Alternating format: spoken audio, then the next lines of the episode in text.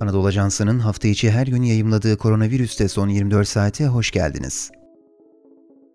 Yeni tip koronavirüse dair gelişmelerle karşınızdayız. Bendeniz Halil İbrahim Ciğer.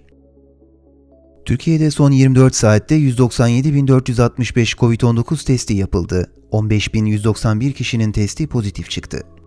283 kişi hayatını kaybetti ve hasta sayısı 2102 oldu.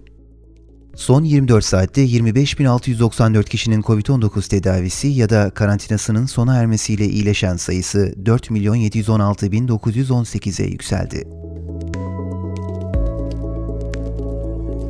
Sağlık Bakanlığı verilerine göre Türkiye'de bugüne kadar 24.928.159 doz COVID-19 aşısı yapıldı.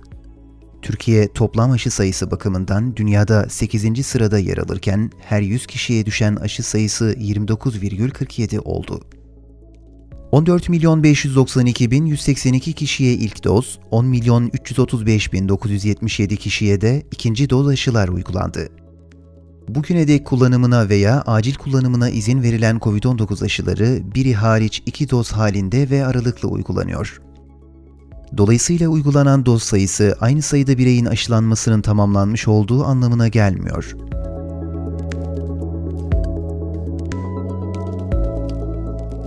Dünya genelinde vaka sayısı 158 milyon 909 bini aşarken virüs nedeniyle 3 milyon 305 binden fazla kişi hayatını kaybetti.